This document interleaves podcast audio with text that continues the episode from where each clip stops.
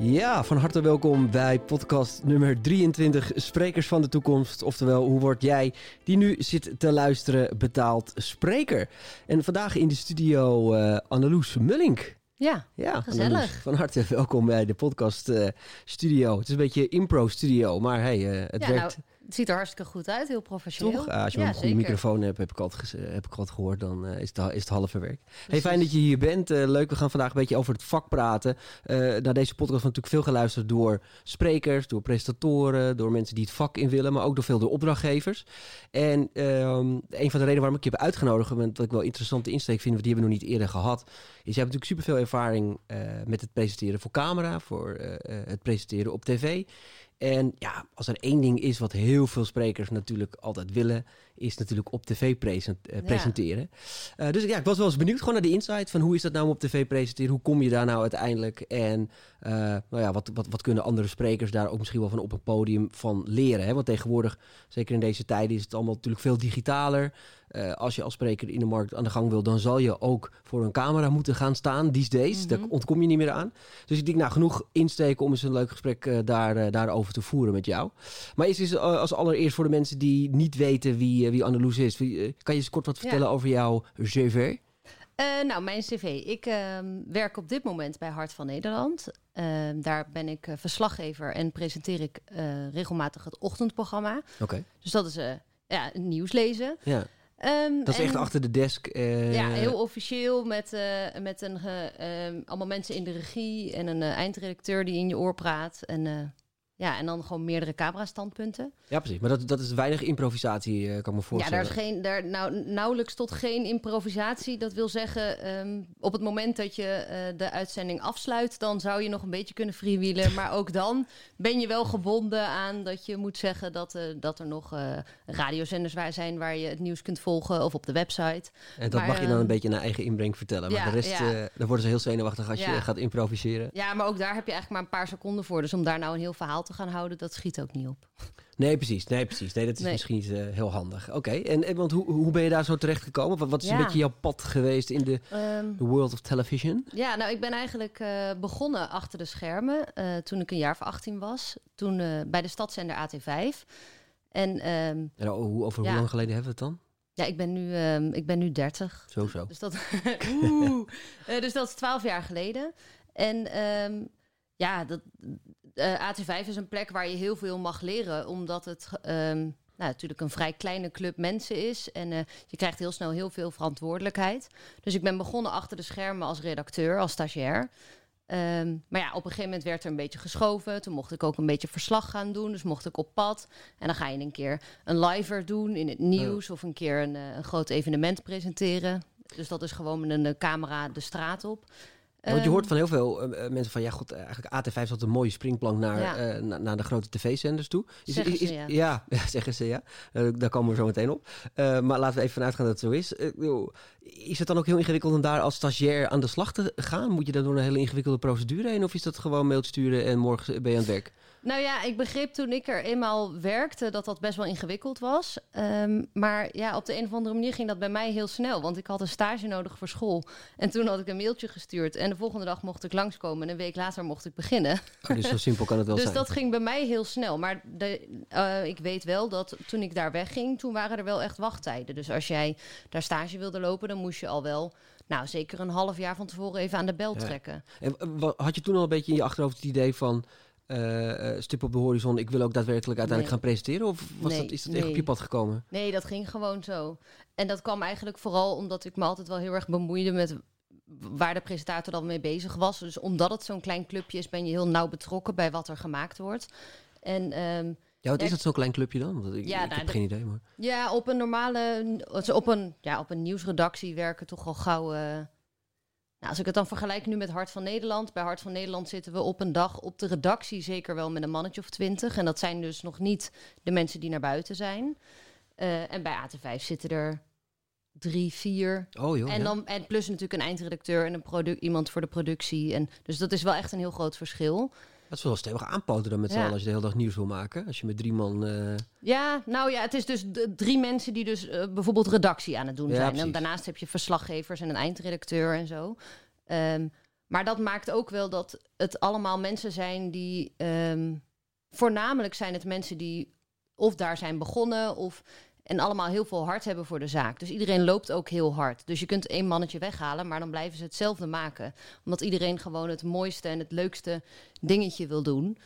Ehm, maar dat resulteert er dus ook in dat je heel veel dingen tegelijk kan doen. Want het kwam ook wel eens voor dat je dan eh, s ochtends eh, iets ging voorbereiden. Smiddags ging je, het dan, eh, ging je het dan daadwerkelijk met een cameraman filmen. En dan aan het einde van de dag kon ik dan bijvoorbeeld ook nog een nieuwsbulletin lezen. Ja, precies. dus Ehm, wil je het vak een beetje kennen, dan kan je daar wel een beetje proeven aan alle Ja. facetten die eigenlijk met nieuws ja, maken. ja, en dat is ontzettend waardevol, want daar heb ik echt heel erg veel geleerd. Oké. Ja. En wat, wat- hoe ben je dan uiteindelijk voor die camera terechtgekomen? Of Nou eigenlijk een beetje ja. een soort, soort half Ja, naast nee. de camera? Of hoe zeg je dat? Eh, nee, ja, in, in principe was het dus eh, begonnen dus met die verslaggeversdingen. En ik weet nog heel goed dat ik toen zei de eindredacteur een keer, nou dan eh, mag je nu live. Dat was eh, net na een wedstrijd van Ajax. Dus toen mocht ik voor het eerst in een nieuwsuitzending eh, iets vertellen, live op camera. En dat is dan, ik weet niet of heel veel mensen dat weten, maar dat is dus gewoon uit je hoofd. Je bedenkt van tevoren, Dan heb je geen autocue of Nee, nee, nee, nee. Je staat dan gewoon met een cameraman ergens. En dat was in dit geval midden op het Leidseplein.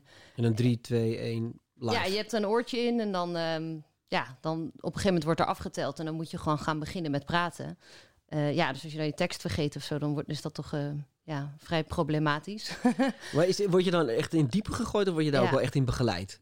Ehm, nou, je wordt er wel in begeleid. Ik heb daar wel eens een training in gehad. En dat was heel grappig, want dan ehm, had een eindredacteur... die had gewoon iets bedacht. En dan kreeg ik tien minuten de tijd om de tekst voor te bereiden. En dan uiteindelijk moest ik dat dan gaan oefenen. Gewoon heel droog oefenen. Ehm, maar ja, er zijn ook factoren die je dan kunnen storen. Want iedereen heeft denk ik wel eens een nieuwsuitzending gezien... dat je dan een verslaggever ziet staan... en dat er dan in één keer heel dom mensen zo op de Oh ja. achtergrond gaan staan Was dansen. dat bij en Ajax zo. ook zo niet? Ja, dat was daar ook. Dan heb je in één keer allemaal mannen boven op je nek en zo. Oh.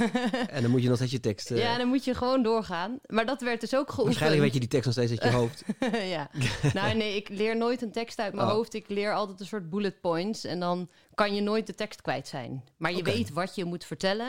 En dan kan je niet per ongeluk denken... God, wat zou ik nou ook alweer zeggen? En, maar dan weet je nog welke kant je op moet gaan. Want iemand thuis ziet toch niet of jij die ene zin wel of niet hebt gezegd. Nee, precies. Maar het is wel een interessante learning natuurlijk. Want dus als je, weet dat zegt, eigenlijk als je live op tv of whatever, waar je een tekst uit je hoofd zou moeten leren, Mhm. moet je eigenlijk niet die hele tekst uit je hoofd Nee. zitten scripten, maar dan moet je bullet points gaan Ja. bepalen. Nou ja, hoe dat- hoe, bepaal denk- jij die dan voor jezelf? Ik denk dat iedereen dat op een andere manier doet. Maar voor mij werkt het het beste dat je dus... ehm, nou, stel je staat bij een, eh, bij een grote rel. Eh, dan wil je weten waar, waar gaat het over? Eh, hoeveel mensen staan er? Wat is, het, wat is de mening van die mensen? En dan kan je natuurlijk helemaal een tekst gaan uitschrijven. Maar ik bedenk dan gewoon... oké, ik moet dit vertellen, ik moet dit vertellen en ik moet dit vertellen. En als ik dan nou eh, bijvoorbeeld zeg van... eh, ehm, er staan hier duizend mensen waarvan eh, de helft een jasje aan heeft met een gekke leus erop. Ja, of ik nou vertel of dat jasje met die gekke leus, of ik dat nou wel of niet vertel, dat hebben die mensen thuis Nee. niet door. Nee, maar als je het onderwerp Ja. vergeet van hoeveel hebben ze ook weer gescoord, dat is, dat is lullig. Ja, ja, nou, Ja. Dat ik, ook, ik ben een keer een voetbalclub de naam vergeten. Dat, is dat duurde net iets te lang. Je hebt wel heel veel voetbal verslagen, eh, als ik dat zo hoor. Ja, nou ja, dat zijn. Nou ja, goed. Ja. Bij AT5 is dat natuurlijk wel een. eh, Belangrijk teruggekomen gebeurt er veel, ja. Ja. Hey, en weet dat, ehm, want, want, want- bepaal je dan nog, be- ehm, ehm, die, die bullet points, zit daar nog een bepaalde regel vast? Of is dat puur Nee. alleen maar, Nee, dat is ook meer gewoon iets wat ik zelf heb bedacht. Ja.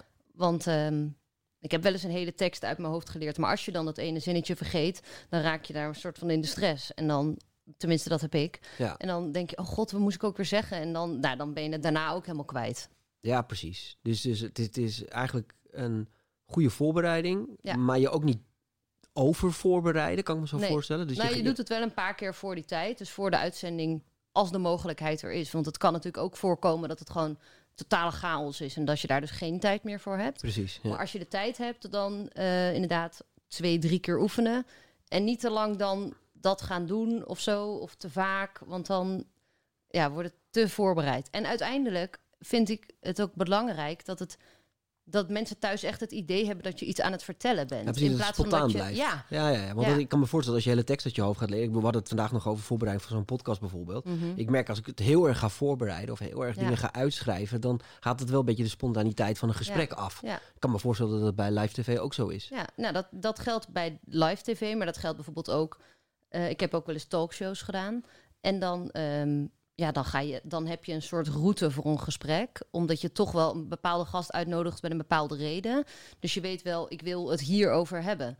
En misschien dat je er een soort vraagformulering voor bedenkt. Maar je kan natuurlijk niet van tevoren het hele gesprek uitschrijven. Want je weet Nee. helemaal niet hoe iemand gaat reageren. Nou, en ik vind, ik vind dat ook als je te veel bezig bent met eh, eh, een soort lijn die je hebt uitgetekend. Natuurlijk, de hoofdlijn heb je wel in je hoofd zitten. Maar als je te veel een lijn gaat volgen, dan ben je ook niet echt met het gesprek meer bezig op een gegeven moment. Dan ben je alleen maar bezig, oh ja, wat wordt de volgende vraag? Of, Ja, en dan loop je het risico dat je alleen maar op je blaadje gaat kijken. Ja, en eh, je merkt dat zo vaak in gesprekken, ook op evenementen, van presentatoren die dat dus wel doen. Mhm. Dan, dan mis je vaak hele toffe insteken van een gesprek. Want omdat je dan eigenlijk niet luistert naar iemand, omdat je al zoiets hebt van, oké, dit wordt mijn volgende vraag. Ja, Dan mis je vaak hele toffe ja. insights die je helemaal niet had voorbereid, Nee. maar die er wel uit, uit te halen zijn. Ja, je hebt er geen tijd meer om te luisteren. Ja, precies. Ja. Ja. en dat is natuurlijk doodzonde. Want je ziet, je ziet soms aan presentatoren gewoon of ze wel echt luisteren naar iemand, of dat ze al bezig zijn met, oh shit, wat was ook weer mijn volgende Ja. vraag. Nou ja, Ik heb dat, het ook wel eens gehad in een interview trouwens, waar ik echt geen idee meer had. Wat we ook nu in godsnaam vragen? ja. Maar dat is dus ook... tijd Voor het voorbereiden van een gesprek zou ik dus ook op zo'n blaadje... Sommige mensen hebben dan een blaadje. Er zijn ook mensen die het uit Oh ja. hun hoofd doen. Vind ik altijd heel knap. Ehm, ik, ik hou er toch graag een blaadje bij. Maar daar ga ik dan ook niet hele vragen op schrijven. precies. Daar zet ik de- meer een woord of ja, zo. Precies. Ja. Ja. ja. Oké, interessant. Hey, en eh, heb je ooit getwijfeld of je die stap wel moest maken naar voor de camera? Of is het echt iets wat je, dat je zegt van, nou, dat, dat, dat, dat, dat, vond- Nee. dat was meteen leuk? Nou ja, er zijn dan wel eens mensen die dat dan... ehm, nee, ik heb daar nooit aan getwijfeld. Maar ik heb er eigenlijk, het is voor mij ook nooit een hele... Het is nu natuurlijk wel een bewuste keuze dat ik doe wat ik Ja. doe. Maar het is nooit dat ik dacht, nou, en dit, dit ga ik doen. Dat ging gewoon zo. En ik vond Ja. dat heel... Het is natuurlijk de grootste angst voor veel, heel veel mensen om überhaupt Ja. eh, voor een camera te Maar gaan dat snap staan. ik dus niet. Nee, maar dat, maar dat is iets wat van nature dus dan niet in je zit, of juist wel. Nou, natuurlijk vind ik het spannend. Ehm, maar het is nu, als, nu, ehm, als een, de regisseur nu aftelt, dan heb ik nu die zenuwen niet meer zoals ik dat helemaal aan het begin had. Maar Wat realiseer je op het moment dat je dan voor zo'n achter zo'n camera staat? nee, dat moet je niet doen. V- hoeveel mensen nee, er dan zitten nee, te kijken of moet te je luisteren? niet doen. Nee?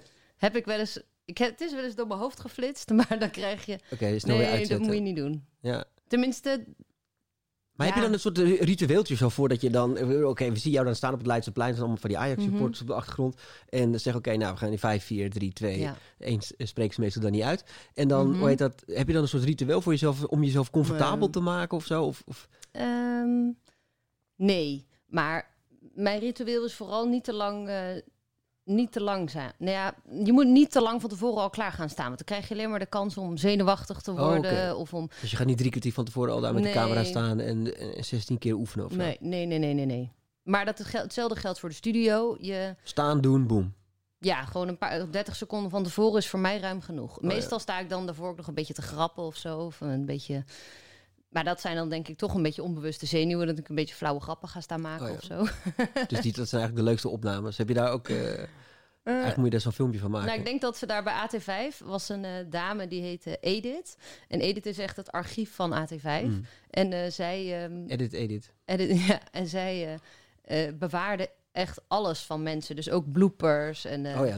ja, dat was hilarisch. En, en als je dan weggaat, dan krijg je dan vaak maken ze dan een soort video met alles wat je dan dus helemaal belachelijk hebt gedaan. En dat kunnen we niet op YouTube ergens Nee, vinden. nee, dat nee, is nee, jammer. nee, nee. Dat is jammer. Hey, en, en verder, want toen was je natuurlijk bij AT5. Nou, dan- dan, merk je op een gegeven moment dat je daar dan talent Mhm. voor hebt. En dat je Ja. dat leuk vindt om te doen. En, Ja. en hoe groeit het dan verder? Nou, dat was, was, Hoe lang heb je bij AT5 uiteindelijk gezeten? Ik heb acht jaar bij AT5 Oké, gewerkt. Ja. En ehm, nou ja, op een gegeven moment ging ehm, een van de nieuwspresentatoren weg, Saïda Magé. Die ging, eh, eh, die ging naar de bus, die ging radio maken. En ehm, ja, toen hadden ze gewoon een nieuw iemand nodig. En er was een beetje intern kijken van, nou, wat hebben we eigenlijk in huis? Eh, ga, jij, ga jij dat eens proberen? Dus toen heb ik dat een keer geprobeerd in de studio. En dat vond ik eigenlijk wel heel erg leuk. En het ging ja, boven verwachting goed. Maar dan zit, je, dan zit je echt achter een desk. Ja. Heb je autocue. Ja. Is, is het dan een totaal andere tak van sport? Of heb je zoiets van, nou, dat, dat voelde voor mij eigenlijk Nou ja, wel heel mensen natuurlijk. denken altijd dat... Ja, voor mij is autocue lezen niet heel ingewikkeld. Maar dat komt... ik heb wel trainingen gehad in hoe je dingen moet voorlezen. Ja, want, Eh, want- geef ons daar dus wat tips in. Want, want ik merk dat daar toch, toch wel veel... We hebben laatst natuurlijk allemaal opnames gehad voor speakers. Met al die Mhm. masterclass hebben we ook veel met autocue gewerkt. Ja. Maar ik merk dat toch een aantal professionele sprekers daar toch wel behoorlijk wat moeite mee hebben gehad. Omdat Ja. heel natuurlijk, eh, eh, zonder het voor te lezen, zeg maar. Je, je leest het wel voor, maar het Nee, mag jij- niet voorlezen ja. te overkomen. Nee, kan je daar wat tips in geven? Ehm, nou, ik heb, ik heb dus trainingen gehad bij Raymond Serré. Dat is een, eh, een radio, een- iemand die vroeger heel veel radio heeft gemaakt.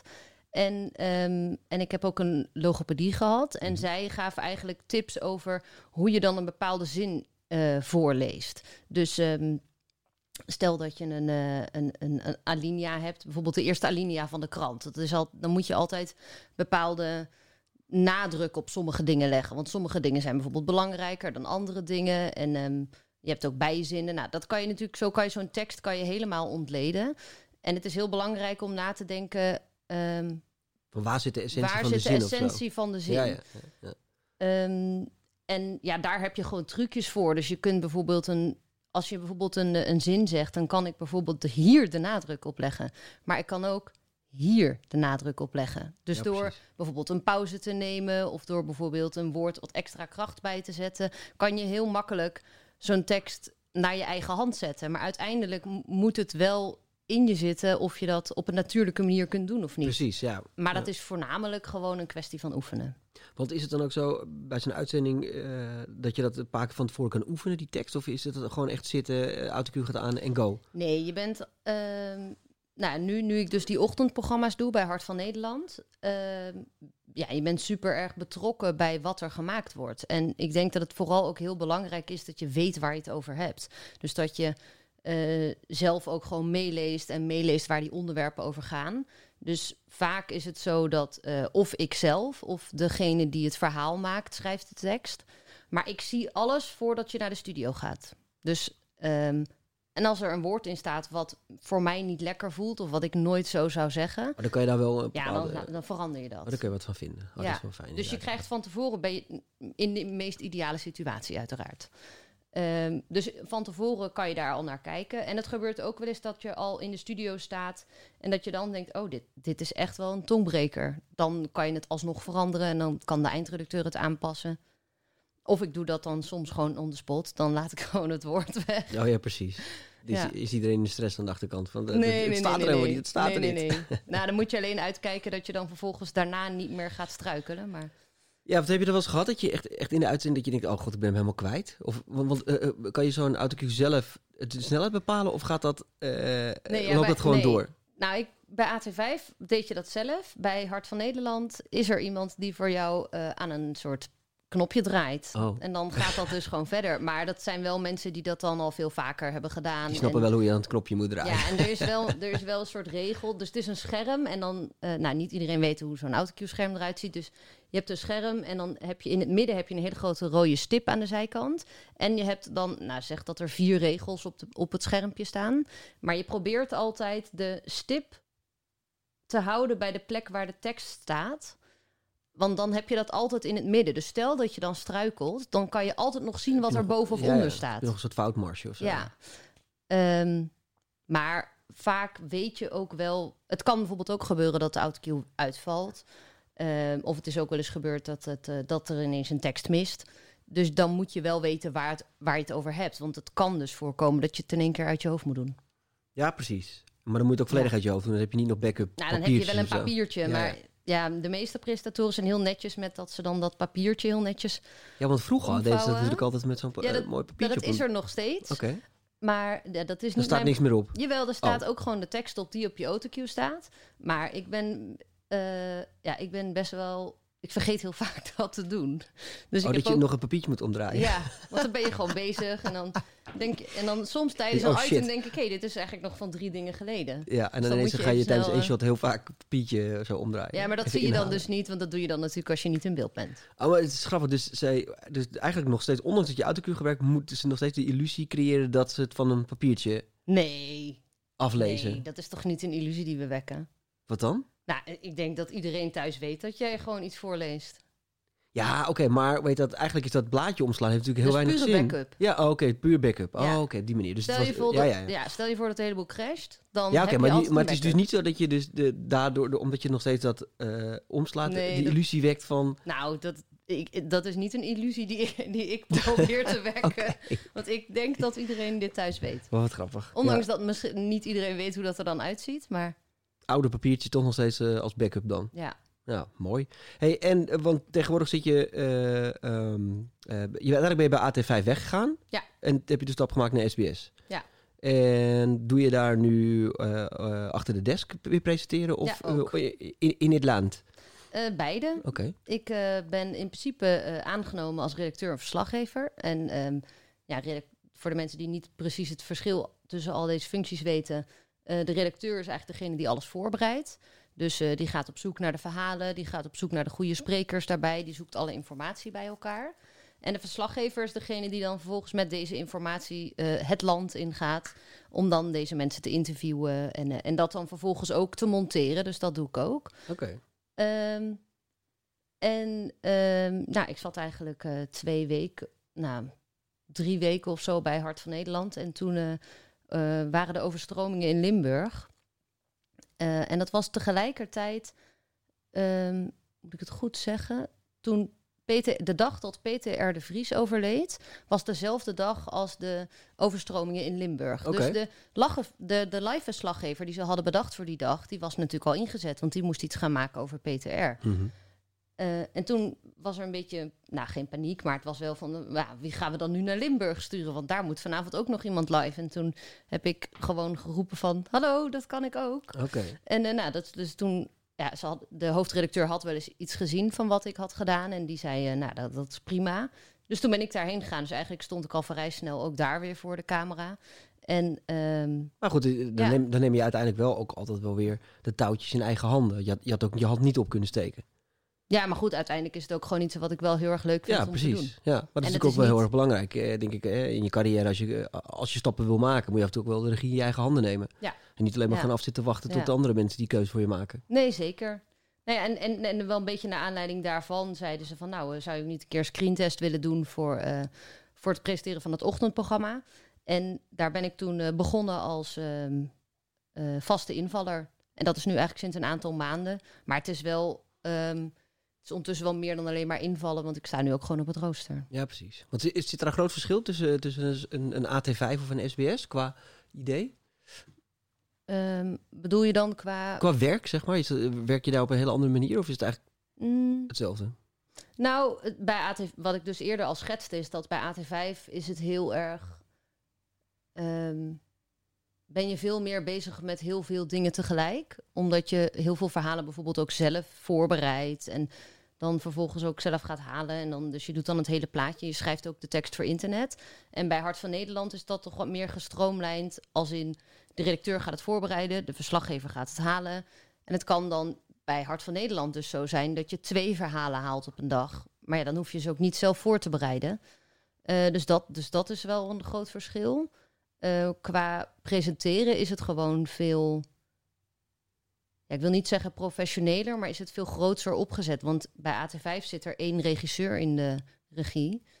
Ehm, en bij Hart van Nederland zit er een regisseur en nog iemand die de techniek regelt en nog iemand die het geluid doet. Dus da- daar, dat is gewoon veel groter. Ja, precies. Wat professioneler. Wat... Ja, er is natuurlijk ook gewoon meer geld. Ja, precies. Ja. Hey, hey, en ehm, jij, ehm, eh, doe, jij presenteert ook voor evenementen. Mhm. Eigenlijk ben je nog, weet, eh, eigenlijk ook wel een beetje aan het begin van je carrière, zeg maar, om, om echt het land in te gaan als dagvoorzitter. Dat vinden we ook leuk in deze podcast, om ruimte te geven eh, daaraan. Welke ervaring neem je van de tv mee naar, naar het podium? Is, is dat echt Ja. een totaal andere wereld of voelt, voelt het hetzelfde? Nou, ik denk dus dat het een beetje hetzelfde is. Kijk, het is Vertel. natuurlijk niet wat ik heb gedaan in een studio. Want dat is natuurlijk gewoon in je eentje. En dat, ja, dat is niet waar, waar een dagvoorzitterschap over gaat. Eh, maar ik heb in mijn eh, carrière tot nu toe... heb ik ook best wel veel eh, talkshows gedaan.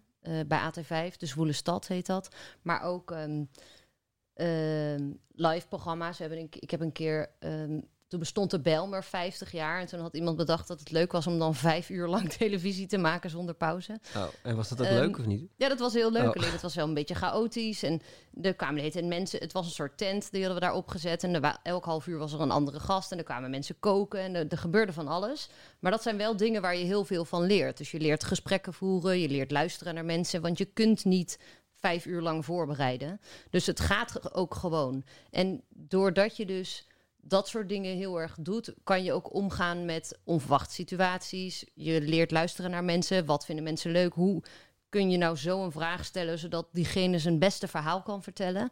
Eh, en ik denk dat dat allemaal dingen zijn die je ook meeneemt als je als dagvoorzitter aan de, aan de slag gaat. Ja, precies. En ehm, nu op het moment natuurlijk eh, de hele digitalisering van de evenementensector. Hè. Je hebt natuurlijk ontzettend veel events die eh, ja, eigenlijk in de studio plaatsvinden. Ook een talkshow setting. Ehm, merk je daar heel veel verschil in met het opnemen van een tv-programma? Of ben je juist heel blij dat je dan juist die ervaring kan meenemen naar zo'n studio? Mm, Zit, zit er Ja. verschil tussen eh, het, het opnemen van een online event en een tv-programma? Of, of Nee. zitten juist daar heel veel parallellen in? Nee, denk ik niet. Nee, denk ik niet per se dat daar heel veel verschillen in zitten. Nee. Nee, want ehm, uiteindelijk probeer je toch de inhoud. Of het nou een, een live evenement is of een evenement online. Je probeert uiteindelijk bij beide dezelfde inhoud eruit te halen. Ja. Hey, en eh, als je nou eens een tips zou moeten geven aan sprekers die... Want kijk, jij, jij bent natuurlijk eigenlijk voor de camera begonnen. Eh, Mhm. de- heel veel sprekers zijn natuurlijk juist op het podium begonnen... en moeten nu ineens Ja. voor een camera gaan staan. Zijn er nog dingen dat je zegt van... joh, god, ja, eh, we proberen toch wat concrete tips mee te geven aan die Ja, sprekers. Van, van, van, van wat zou eh, hun kunnen helpen om wat makkelijker voor zo'n camera te kruipen? Want het, het verbaast me echt wel dat er nog een hele hoop professionele sprekers zijn... die dat echt wel spannend vinden. Eh, wat daar dan een goede tip voor is. Ehm, nou, ja, het is makkelijker gezegd dan gedaan. Want op het moment dat je voor een camera gaat staan, is er toch wel iets waar je dan naar kijkt. En dat, op de een of andere manier heeft zo'n camera toch een bepaalde invloed op hoe mensen zich gedragen. Je ziet mensen totaal veranderen als Ja. de camera aangaat. Ja. Ehm, en ik denk gewoon dat dat echt een kwestie van oefenen is. En dat, kan, dat hoeft dus niet per se te zijn dat er echt mensen bij staan of dat er mensen naar kijken. Maar je kunt ook gewoon droog oefenen eh, voor een spiegel. Ehm, en ik denk ook dat het. Nou, dus daardoor probeer je je wat eh, gemakkelijker te voelen voor een camera. En, eh, en als je dat dan eenmaal een keer gedaan hebt, dan is het allerbelangrijkste eh, terugkijken. Want er zijn mensen die zeggen: nee, je moet niet naar jezelf kijken. En die vinden het dan verschrikkelijk om zichzelf terug te zien. Oh ja. Maar ik kijk alles terug. Altijd? Ja. Nog steeds? Ja. Oké. Maar dat is ook omdat je dan. En waar let je dan op? Nou ja, als je bijvoorbeeld, stel ik heb een, een, een ochtend gepresenteerd en dan had ik zelf wel het gevoel dat het best wel lekker ging. Maar ik, ik ben heel kritisch en dan kijk ik er nog een keer naar en dan denk ik, oh, misschien moet je dan dit de volgende keer anders doen of dit is niet prettig. Of ehm, ja, en dat, dat onthoud ik, dat registreer ik en dan neem ik dat een volgende keer weer mee. Eigenlijk zouden alle sprekers dat moeten doen of ze nou wel of niet voor een cam- camera staan. Eigenlijk Ja. zouden alle sprekers eh, af en toe eens gewoon hun verhaal ook moeten opnemen. Want eigenlijk ziet ze zelf hem natuurlijk nooit vaak terug. Dus of je nou wel of Nee. niet voor een camera staat. Ik denk dat je als spreker sowieso Ja. af en toe wel zou moeten filmen. En Ja. eens kritisch zou moeten terugkijken van wat, wat sta ik nou eigenlijk op het podium te doen. Nou ja, en, en een hele goede tip die ik ooit een keer van iemand heb gekregen. eh, ga eens naar een ander programma kijken of naar een nieuwsuitzending of zo met het geluid uit. Oké. Want een, ik denk het grootste gedeelte van hoe je eh, als, als je voor de camera staat, is het allerbelangrijkste is wat je uitstraalt. Oké. En, want wat je gaat vertellen, dat heb je vaak helemaal voorbereid. Maar als jij een bepaalde houding aanneemt, dat zegt zoveel over hoe je daar staat. Dus je, je houding, je schouders naar achter, maar ook je gezichtsuitdrukking. En ehm, dat kan je bijvoorbeeld bij een nieuwspresentator heel goed zien. eh, op, als je kijkt naar verschillende soorten items. Dus als het een heel serieus item is, dan zal je een hele andere gezichtsuitdrukking zien dan bij een vrolijker of een, eh, of een neutraal item. Bijvoorbeeld als er bijvoorbeeld gaat over de economie, ja, dan heb je als nieuwslezer niet echt een mening, is gewoon meer een feit. Ehm, en door daar heel goed naar te kijken, kan je dat misschien dan ook kijken van, oh, ehm, moet, moet ik misschien zelf meer die houding aannemen als ik voor een camera ga staan? Of, want uiteindelijk is dat volgens mij ook heel belangrijk, want dat is waar mensen naar kijken. Want kijk je er zelf ook wel eens naar jezelf dan zonder het geluid? Om gewoon eens te kijken hoe, hoe sta ik er nou eigenlijk bij? Of Nee, bij mezelf doe ik dat niet zonder geluid, maar het meer bij anderen, omdat je dan dus niet afgeleid bent door wat, Door wat je er dan. vertellen. Ja, maar dat je echt kijkt van hoe staat iemand daar nou? En dat, dat heeft mij toen, dacht ik, oh verrek, dat is. Want er was toen een keer een, eh, een, een item bij, op een zender. En ehm, daar had ik het geluid bij uitstaan en toen keek ik ernaar en toen dacht ik, oh, dit zal een vrolijk item geweest zijn. En dat was het dus niet. Oh. En toen dacht ik, oh, dat is dus hoe belangrijk het is hoe je een, hoe je, ja, wat, hoe, wat je uitstraalt. Hey, en als je voor een bedrijf werkt, hè, ehm, ehm, ik kan me zo goed voorstellen dat je ook niet van elk onderwerp verstand hebt. Je zal inmiddels wel veel onderwerpen ook op tv al voorbij hebben zien komen. Maar Mhm. eh, hoe, hoe bereid je op zo'n opdracht je voor? Ehm, nou, dat hangt natuurlijk helemaal vanaf wat het is. Maar allereerst, wat ik ook eerder al een keer zei, is het allerbelangrijkste eh, als je ergens over gaat spreken, is dat je weet waar je het over hebt. Dus je moet gewoon wel echt de ins en de outs weten van het onderwerp waar je over gaat spreken. En dat is niet alleen even een nieuwsuitzending kijken waar toevallig bijvoorbeeld een, een, een, thema, een bepaald thema voorbij is gekomen. Maar dat kan ook zijn dat je een beetje terugkijkt. Van, goh, wat zijn meningen van mensen of wat zijn eh, bepaalde interpretaties, zodat je daar misschien nog weer op door kunt gaan. Dus het, wees vooral niet te oppervlakkig, zou ik dan willen zeggen. Van, kijk, onderzoek het wat dieper en op die manier eh, creëer je misschien ook meer interesse voor het onderwerp. En ik heb zelf natuurlijk wel thema's waar ik, ehm, eh, ja, waar ik meer mee heb dan met anderen. Ja. Maar ook als je een thema hebt waar je misschien wat minder mee hebt, denk ik dat er altijd dingen zijn waar je het interessant voor jezelf kan maken. Ja, kijk, en als je dan een interview aangaat, hè, eh, of een bepaald item maakt op, eh, op tv, of dat je dan op een evenement doet, ga je Mhm. dan van tevoren ook nadenken van, oké, wat wil ik er nou eigenlijk uitkrijgen Ja, uit deze tuurlijk. persoon? En, en, Ja. en hoe ga ik dat voor elkaar Ja, je- krijgen? Je, zet, Of- je zet een soort stip op de horizon van dit gesprek gaat hierover en uiteindelijk willen we hier naartoe. Dus je bedenkt, je probeert een beetje van tevoren een soort conclusie te bedenken. ja, precies. En door en eh, je formuleert dan misschien al wel vragen of thema's waar je het er graag over wil hebben, maar het kan ook zijn dat een van die thema's vervalt en dat je nog een andere weg neemt. Maar dat is natuurlijk door, ehm, door ervaring op te doen, leer je hoe je dan ook zo iemand kan sturen. Mooi. Mooie tips. Ja. We zijn- We zijn al bijna aan de tijd. Ehm, als, als we nou gaan kijken naar jouw stip op de horizon in je carrière, wa- waar, waar, waar ben je nog naar onderweg? Wat, zou je nog fantastisch vinden om te doen? Moet ik dat nu hier gaan zeggen? Ja, natuurlijk. Is wel leuk. Dit is de plek om dat eh, Ehm, veilig ja, te kunnen nou zeggen. ja, ik heb eh, eh, ik, voor nu vind ik het presenteren ontzettend leuk. En daar hoop ik echt verder in te gaan. En ik denk ook door nog meer dagvoorzitterschappen en andere presentaties te doen, dat ik daar nog echt heel veel in kan groeien.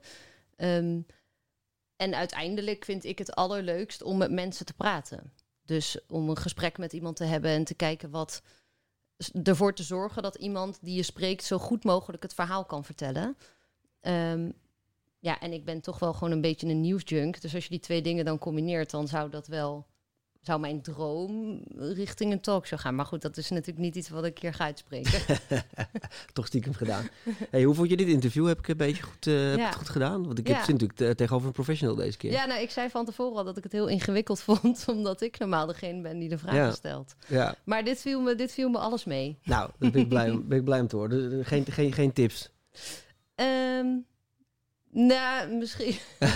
Dan ga ik ook eerlijk Misschien zijn. moet je iets... Nee, het, ging heel goed. Ik denk dat we alles eruit hebben gehaald. Maar het ging soms wel een beetje van de hak op de tak. Maar misschien lag dat ook aan mij. Van links naar rechts. Ja, Ja. maar dat ben ik ook. Ik, Maar je greep wel weer goed terug toen op een gegeven moment van... oké, maar weer even terug naar waar je nou begonnen was. Dus dat deed je heel goed. Oké, Ja, gelukkig. Ja. Hey, dankjewel voor, eh, voor je tijd. graag gedaan. Dankjewel.